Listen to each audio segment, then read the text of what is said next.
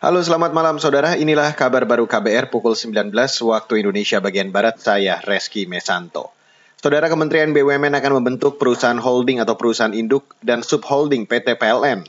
Menteri BUMN Erick Thohir mengatakan langkah itu untuk mempercepat transformasi di tubuh perusahaan PLN. Selain itu, rencana tersebut juga untuk menghadapi ketidakpastian rantai pasok bahan baku kelistrikan di dunia. Indonesia yang mempunyai market yang besar, sumber daya alam yang kuat, tentu ini saatnya kita harus merapikan roadmap kita, termasuk transformasi PLN. Dan tentu transformasi PLN ini bukan berarti yang sering kadang-kadang uh, dipikirkan oleh banyak pihak seakan-akan kita mau meliberalisasi daripada kelistrikan nasional tidak Justru ini kita mau mentransformasi untuk memastikan pelayanan kelistrikan buat masyarakat lebih baik. Menteri BUMN Erick Thohir sebelumnya merencanakan akan membentuk dua subholding di tubuh PLN. Di antaranya adalah subholding retail yang hanya akan fokus pada pelayanan retail seperti konsumen listrik. Yang kedua adalah subholding power atau pembangkit yang akan fokus pada pembangkit listrik baik dari energi fosil seperti batu bara, atau energi terbarukan seperti energi angin, matahari, air, geotermal, dan lainnya. Beralih ke informasi selanjutnya, Saudara, Kementerian Pendidikan, Kebudayaan, Riset, dan Teknologi akan mengkaji ulang kurikulum pendidikan nasional pada 2024 mendatang. Kepala Badan Standar Kurikulum dan Asesmen di Kementerian Pendidikan, Anindito Aditomo, mengatakan, kaji ulang kurikulum dilakukan berdasarkan evaluasi selama masa pemulihan pandemi COVID-19.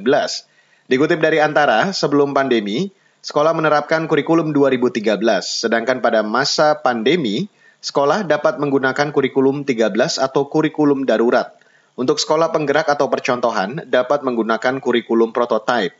Selanjutnya pada masa pemulihan pembelajaran dari 2022 hingga 2024, sekolah bisa menggunakan tiga pilihan yaitu kurikulum 2013, kurikulum darurat maupun kurikulum prototype bagi semua satuan pendidikan. Anindito memperkirakan pada dua tahun lagi, ekosistem pendidikan sudah bisa dicapai di mana para guru dan pengelola sekolah memahami filosofi pembelajaran yang baru melalui program Merdeka Belajar.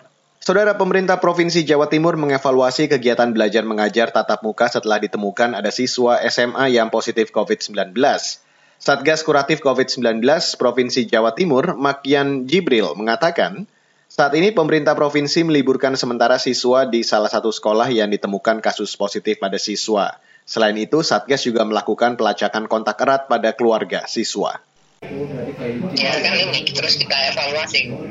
Ya, jadi kan apa uh, uh, apa namanya untuk untuk sekolah kan semua kan sekarang kan ya di sudah sejak sejak bulan Desember kemarin kalau nggak salah Satgas Kuratif COVID-19 Provinsi Jawa Timur, Makian Jibril mengatakan, meski ada siswa ditemukan positif, namun penularan COVID-19 di Jawa Timur masih dianggap terkendali. Menurutnya, ini terlihat dari angka hunian rumah sakit atau BOR di Jawa Timur yang berkisar 3 persen. Begitu juga angka rata-rata positif yang masih rendah sekitar 0,09 persen.